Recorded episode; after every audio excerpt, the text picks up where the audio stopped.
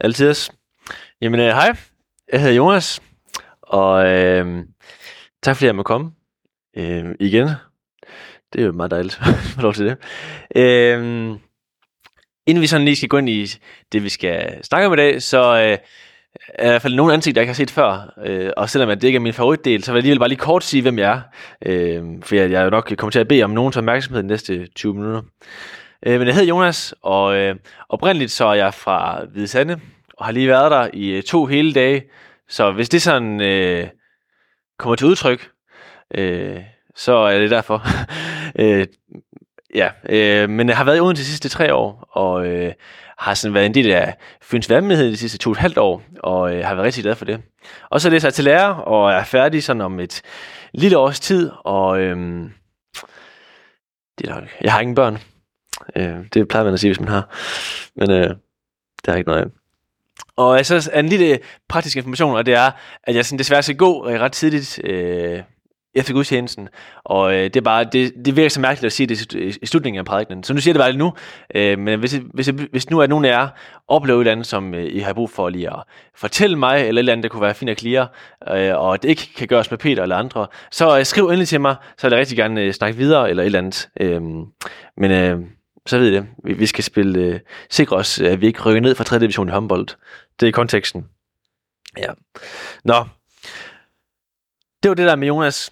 Øh, hvis vi har nogle slides, så øh, er konteksten jo, at øh, vi forsøger at, at udfolde, øh, hvad det, vi tror på. Og i dag der er vi kommet til, som I kan se, den øh, Nikeno Konstantinopolitanske trosbekendelse. Og jeg har forventet et bifald her, men øh, det får jeg ikke sagt. Øh, jeg har øvet mig meget. Vi kan, man kan også kalde den den nikenske. Det er måske lidt nemmere.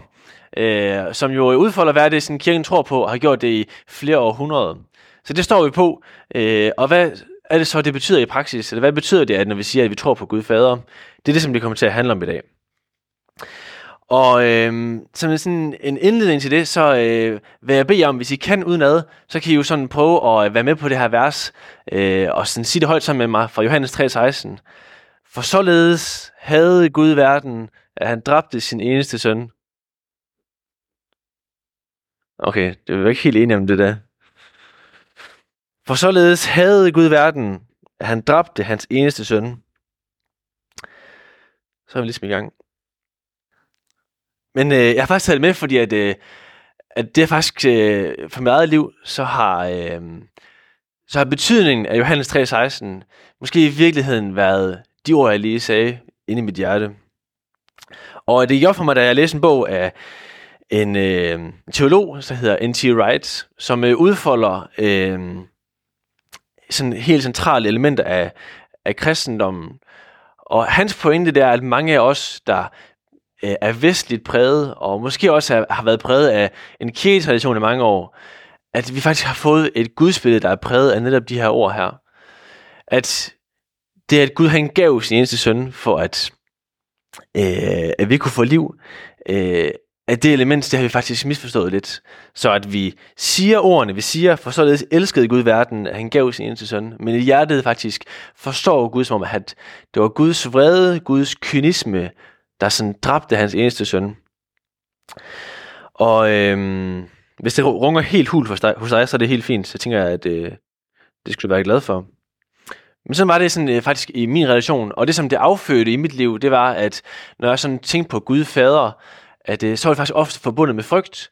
Fordi at jeg i mit hoved havde et billede af øh, en gudfader, som sådan særligt var på spil i Gamle Testamente, og som når han så dukker op i det nye testamente, så siger Jesus, at, at han så valgte at dræbe hans eneste søn. Og så siger han, om, om men hvis, hvis, hvis det er sådan en gudfader, han er, sådan, så, altså, så, så er jeg dømt til at fejle, eller sådan, jeg kan aldrig nogensinde leve op til at skulle øh, leve et liv tilbage, der, sådan, der behager ham. Og øh, det afstrækker mig for at nærme, Gud, nærme mig Gud, øh, og især sådan den del af Gud, der er Gud fader, når at jeg følte mig sådan utilstrækkelig, når jeg syndede, når jeg var svigtet eller fejlet. Og jeg blev fyldt med dårlig samvittighed og mismod og mindre værd. Og øh, hvordan det sådan lige kom ind i mit liv præcis, det ved jeg ikke. Men sådan var det faktisk i mange år, indtil at jeg øh, ja, øh, læste den her bog her. Øh, og måske så kan du have lignende ting i dit liv, der har sådan præget dit gudsbillede, og måske dit faderbillede af Gud især. Øh, og det er jo et, et enormt... Øh, det kan være et enormt øh, betændt emne, det her. Der er helt meget på spil, når vi snakker om Guds øh, faderhjerte og Gud fader som karakter. Øh, og det er det også for mig. Øh, fordi at øh, der er noget sådan meget, meget intimt forbundet med, at vi har en far i himlen. Og det håber jeg, at Helligånden i dag vil øh, være med til at forme et billede, der er mere klart eller mere ægte af, hvem Gud fader han er. At det er en kærlig far, der gav hans eneste søn. Og øh, så håber jeg på, at Helligånden han vil gøre det i dit liv, som øh, han skal gøre. Lad os bede sammen. Jesus, vi beder om, at, øh, at alt, hvad der står tilbage efter den her tale her, eller prædiken, så beder om, at du vil være den, der sådan står klarest tilbage. At det må være... Øh, at vi ser dig, Jesus, ser på dig, og vi forstår den kærlighed, som faderne havde, har til dig, og at vi får lov til i det lys at blive draget til vores far i himlen. Ja, og jeg beder om, at alle de ord, som jeg har lyst til at sige, som ikke er for dig, at det må du øh, sørge for, at de ikke kommer ud, og at øh, de ord, som du gerne vil sige til dig Gud, at det må være dem, der får lov til at blive talt. Ja, vi overgiver til dig, Gud. Amen. Så den her kage her, hvordan skal den skæres øh, med Gud fader? Og som vi læste i øh, trosbekendelsen, så bliver han omtalt som, øh, som skaberen og som faderen. Og øh, jeg har tænkt, at øh, det vi gør i dag, det er, at vi ser på Jesus, og øh, gennem det at se på Jesus, øh, hvordan han levede, hvad han sagde, hvad han gjorde, at så tror jeg faktisk, at vi kan få et ret klart billede af, hvem Gud fader han er. For en stor del af Jesus' tjeneste, det var at beskrive hans far i himlen for dem, han var sammen med. Og der kommer vi til at lave tre nedslag i det, øhm, som sådan viser forskellige karakterer af Gud Fader. Men inden det, så skal vi snakke om, hvad er det, sådan, øh, hvad er det for et fundament, vi står på? Hvad er det overhovedet, der gør, at vi kan tale om Gud som vores far i himlen? Fordi Gud han har faktisk adopteret, eller Gud Fader har sådan adopteret os ind i hans familie. Og det har han gjort gennem Jesus. Øhm, og øh, der er sådan et, øh, et godt sted, vi kan starte der i fader, hvor fordi Jesus han øh, tager hans disciple til side, og da han så øh, skal sådan give nogle gode principper for, hvordan at vi kan bede til vores far i himlen, så siger han, at I skal starte med at bede sådan her, Fader hvor du som er i himlen. Og der er en, en dyb pointe i, at vi faktisk starter med i den her bøn at sige, Fader hvor du som er i himlen. Den parkerer vi lige, kommer tilbage til den. Det er sådan, at øh, hvis vi får teksten op, så har Paulus, han har forsøgt at også udfolde det her. Hvad er det, der gør, at vi, at vi kan tillade os og kalde os Guds børn? I Galaterne 4, 4-7, øh, der skriver Paulus, Men da tidens fylde kom, sendte Gud sin søn, født af en kvinde, født under loven, for at han skulle løskøbe dem, der var under loven, for at vi skulle få barnekår. Og fordi I er børn, har Gud sendt sin søns ånd i vores hjerter, og den råber, Abba fader, så er du det ikke længere et træl, men barn. Og hvis vi tager den næste slide, Julian, så står der også i Efeserne 1.4, som også er Paulus, i sin gode vilje forudbestemte han os til barnekår hos sig ved Jesus Kristus, til lov og pris for hans nåde til herlighed, som han har skænket os i sin elskede søn. Så det her med at, at være Guds børn, jeg tror grundlæggende, at, øh, at det bliver vi i troen på ham. I troen på, at Gud, så bliver vi for, så får lov til at, at blive Guds børn. Så vi er ikke Guds børn, fordi at vi har gjort et eller andet særligt. Altså faktisk, som udgangspunkt, så, så har Gud skabt øh, alle mennesker på jorden. De er Guds skabninger. Men som udgangspunkt, så er vi ikke børn.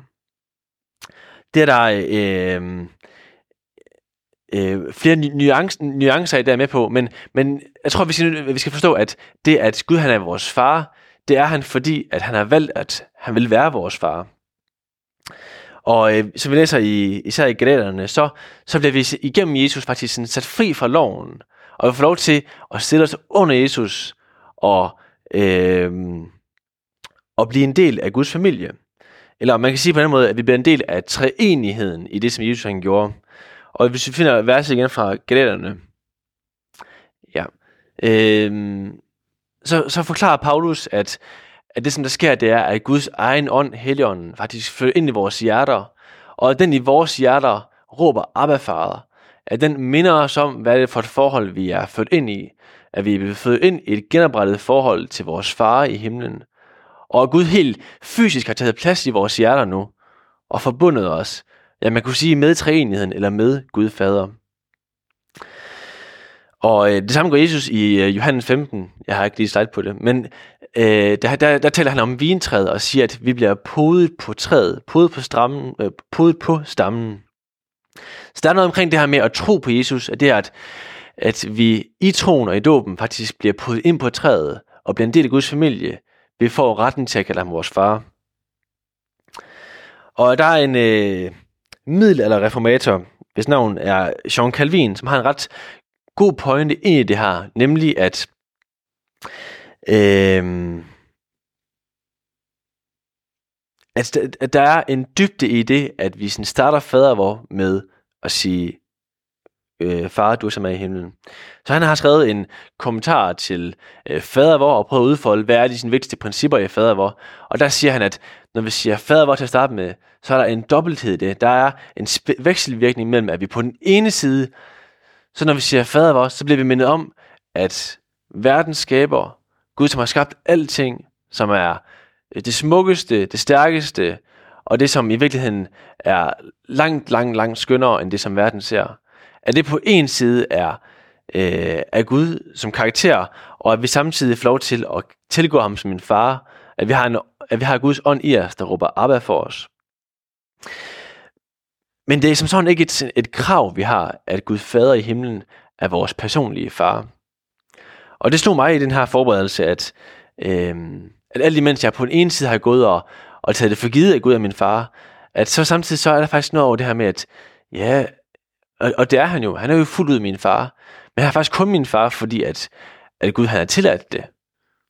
Jeg ved ikke, om det giver mening. Altså, jeg håber, det giver mening. Jeg, jeg, jeg, jeg, jeg bare slået af, at okay, ja, jeg har ret til at kalde Gud min far. Men, men i bund og grund, så har jeg det faktisk kun fordi, at jeg stiller mig under Jesus. Calvin han skriver samtidig, at alt imens, at, at den her reminder, jeg fader hvor, den kan fylde os med mismod faktisk, eller sådan, Nå ja, hvem er jeg overhovedet, at jeg kan tilgå Gud som min far? Altså er det samtidig de samme ord, fader hvor du som er i himlen, det er de samme ord, der befrier os fra al mistillid til Gud. Han skriver, at ved sit stærke søde navn, far, befrier han, fra, befrier han os fra al mistillid. Så fordi vi er Guds børn, vi er blevet Guds børn, vi betror os til Jesus, og vi kan regne med, at vores himmelske far, at alle de ting, der gælder for Jesus, i hans relation til far, hans far i himlen, de gælder også for os. Og vi er blevet adopteret ind i treenigheden gennem Jesus Kristus, og nu har vi fuld adgang til Gud Fader. Og det er så grundlaget, og jeg synes bare, det var vigtigt, at vi faktisk sådan snakker om det, at det er grundlaget for, at vi kan tale om Gud som vores far. At vi sådan helt øh, ubekymret kan tilgå vores far sådan, og råbe Abba fader, eller papa, eller hvad vi siger til ham. Og det kan jo fordi, at Jesus har gjort, som han har gjort. Og Gud har tilladt, at vi må kalde ham far. Nu skal vi igennem tre sider af Guds karakter, som jeg tror, Jesus han prøver at øh, afsløre for os. Og det første, det sker i Markus evangeliet kapitel 1 vers 9-11. Ja, Markus skriver sådan her. I de dage skete det, at Jesus kom fra Nazareth i Galilea og blev døbt af Johannes i Jordan. Straks da han steg op fra vandet, så han himlen, så han himlene flænges og ånden dale ned over sig som en due. Og der lød en røst fra himlene. Du er min elskede søn. I dig har jeg fået, fået velbehag.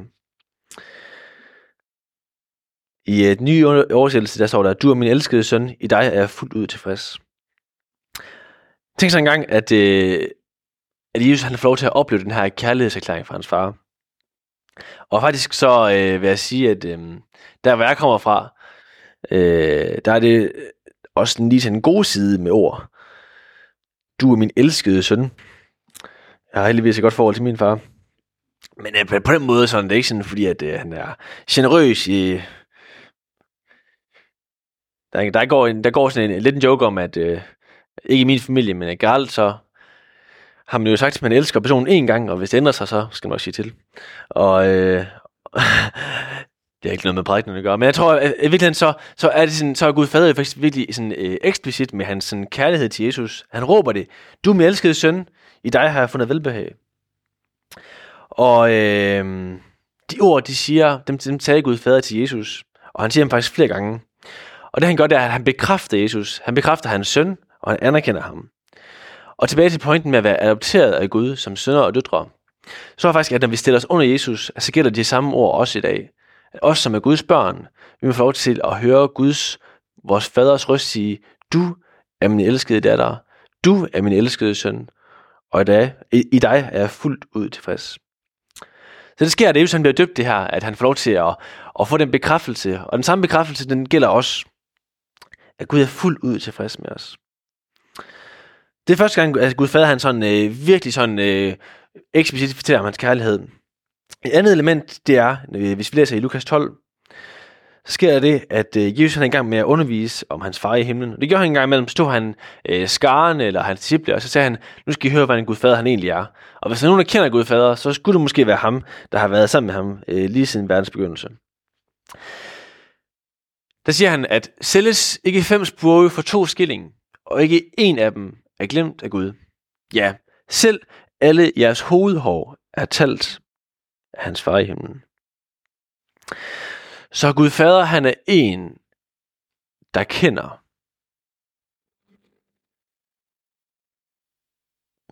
Gud Fader, han kender det, han har skabt. Der er faktisk ingen, der kender dig bedre end Gud Fader, som har skabt dig. Nogle gange så kan forældre have samme forestilling, at øh, de nærmest sidder med sådan en brugsanvisning til deres børn. Og øh, så kan man slå op i kapitel 3. Er dit barn ked af det? Kolon. Giv dem et knus. Eller giv dem en fin stang og en iPad. Eller hvad det nu er, man gør i dag. Øh, og, og, og på den måde så kan jeg måske afspejle sig, at, at okay, noget, der har skabt det, det kender øh, produktet rimelig godt.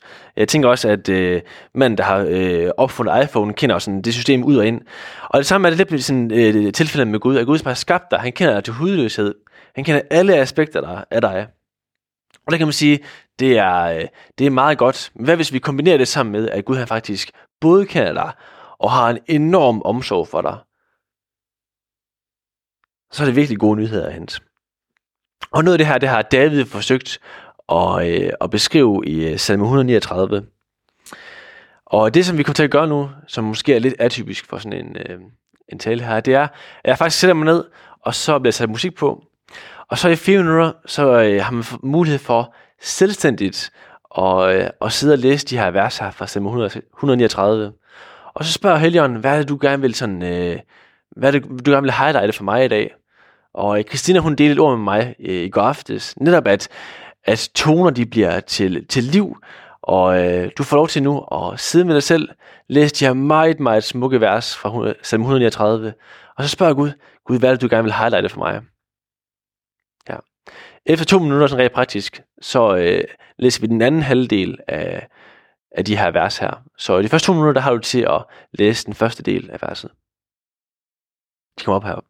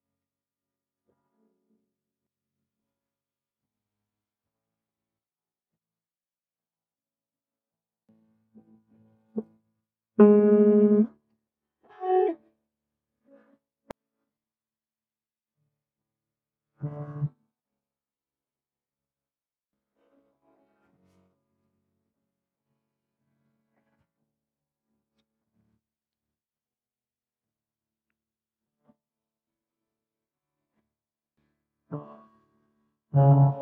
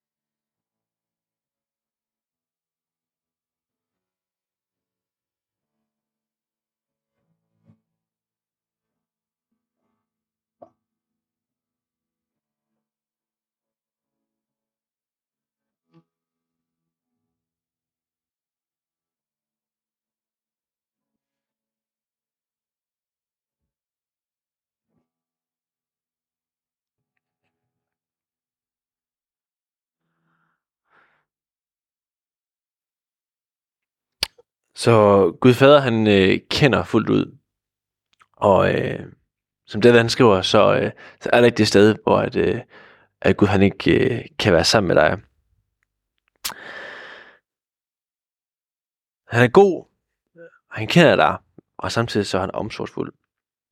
I Matthæus 7:7, der øh, sådan lidt næsten nærmest sådan humoristisk, så øh, siger Jesus, at, øh, at når I som øh, kan formå at give jeres børn gode gaver, hvor meget mere skal jeg ikke forvente, at jeg skal ud i far i himlen så. Så Gud, han, øh, Jesus han, han gør faktisk en dyd ud af at forklare og fortælle hans folk, eller han, dem han går sammen med, at, øh, at I skal have høje forventninger til jeres far i himlen. Hvis I forventer godt for jeres forældre, for jeres far, så forvent mindst 10 gange så godt for jeres himmelske far. Sådan tænker jeg det. Det sidste nedslag, nu har vi set på, at, at Gud Fader han sådan ret eksplicit fortæller om hans kærlighed til Jesus. Øh, det næste, han siger, Jesus, det er, at han underviser hans disciple omkring, at, at Gud Fader han er en, der kender, og han er en, der har omsorg. Det sidste, han gør, øh, noget, det han også gør, det er, at han, han forklarer, øh, hvordan Gud Fader han øh, er i en vingård. Og det gør han i Johannes 15. Så sådan her. Jeg er det sande vintræ, og min fader er vingårdsmanden. Hver gren på mig, som ikke bærer frugt, den fjerner han, og hver gren, som bærer frugt, den renser han, for at den skal bære mere frugt. Og jeg bliver altid øh, lidt overrasket, når jeg læser de her vers her, og det er nok, fordi jeg ikke er havemand. Øh, for i min... Øh, i mit hoved så er det oplagte, det oplagte, oplagte undskyld, der er jo selvfølgelig, at, øh, at man, altså, øh, at der gror frugter, øh, og så for at få mere frugt, så planter man flere træer, eller om nød putter flere grene på. Øh, men der er et, et beskæringsprincip, som til sydenland er ret, ret vigtigt. Og Gud han, øh, Jesus han forklarer, at Gud fader han er vingårdsmanden. Og når jeg hører det, så betyder det for mig, at Guds, Gud faders retfærdighed er på spil her. Og det kan man tolke i mange retninger. Men jeg læser jeg hører det som om, at, at Gud han faktisk har et ansvar for, at det her træ, det er frodigt. Og han tager de nødvendige beslutninger for, at det lykkes, at træet det faktisk er frodigt, at det giver liv. Og øh, her kommer vi ind i et område, hvor jeg langt fra har teologisk kompetence eller livsduelighed til at, at udfolde det her. Men der er et eller andet princip i, at Gud Fader, han faktisk sådan, tager de nødvendige beslutninger for, at træet det er sundt, og at der gror frugt. Så hvorfor er det, at Gud han tager ting fra os? Hvorfor er det, at Gud han skulle beskære den her gren helt ind til stammen? Det ved jeg virkelig ikke. Og jeg skal heller ikke forsøge på at, at forklare hvorfor. Men jeg håber og tror på, at, at Guds faderskab er på spil. At han kender sine børn allerbedst, og øhm, han kender os måske også bedre, end vi selv kender os selv. Og der er en, en, en smuk salme, som forsøger faktisk at indramme det her med, at Gud Fader, han tager beslutningerne, han er den, som er ansvarlig for, at træet det er frodigt. Det er Lisa, Lisa Sandel, som skriver,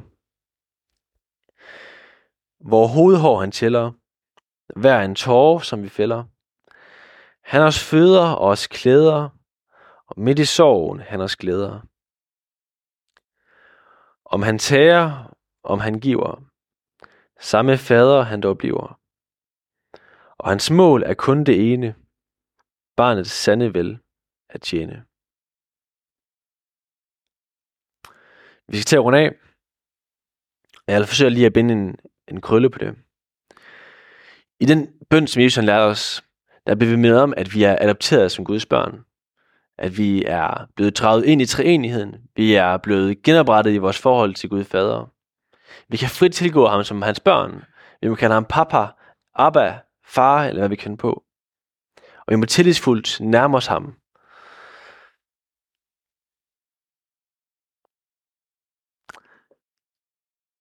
Gud Fader, han, øh, vores far i himlen, han kender os. Der er ingen, der kender os bedre end vores far i himlen. Og samtidig så er der måske ikke nogen, der har større omsorg for os. Og det sidste så vi på, at Gud Fader, han er vingårdsmanden. Han tager og han giver. Men vi må stole på, at hans beslutninger, de altid er motiveret af, han, motiveret af hans faderhjerte. For således elskede Gud verden, at han gav sin enbårne søn, for at enhver, som tror på ham, ikke skal fortabes med evigt liv. Og vores far i himlen, han gav hans søn. Jesus, som han elskede så uendelig højt. Og øh, det klareste billede af, af Guds, fader, Guds faders kærlighed, det finder vi måske indrammet i korset og graven. Min Gud, min Gud, hvorfor har du forladt mig? Det var sådan, Jesus han råbte fra korset af, det han var forslået, svigtet og forladt. Og vores far i himlen, Gudfader, hans egen far, han tillod det faktisk. Men Bibelen tegner et billede af, at Gud Fader, han, til, eller han tillod det kun, fordi han elskede verden. At fordi Gud Fader havde så stor omsorg for verden, og vidste, at det her, det ville faktisk slet det her gældsbevis. At det her, det faktisk vil øh, opgøre regnskabet for menneskers synd. Og derefter, så demonstrerede Gud Fader hans kraft og hans magt og hans suverænitet, da han oprejste Jesus fra døden. Der står i Efeserne 1.20, at med den magt virkede han, Gud Fader i Kristus, da han oprejste ham fra de døde og satte ham ved sin højre hånd i himlen. Og hvad er det for en far, der gør sådan? Det har jeg virkelig ikke svaret på. Men det er, Jesus, det er Jesus selv, der siger, for således elskede Gud verden, at han gav sin enborne søn. Ja. Og i virkeligheden så er det jo dybt uretfærdigt, når man overvejer det. Men øh, det er sådan Gud fader han er. Og det er dybt kærligt. Og øh, ja, jeg har lavet spørgsmålet til dig, der hedder, hvad, hvad er din, hvad er vores respons på det? At Gud Fader har sat os i et genoprettet forhold til ham. At vi bekymringsløst må tilgå ham som vores far. Men det havde en uendelig høj pris fordi han elskede verden. Lad os bede sammen.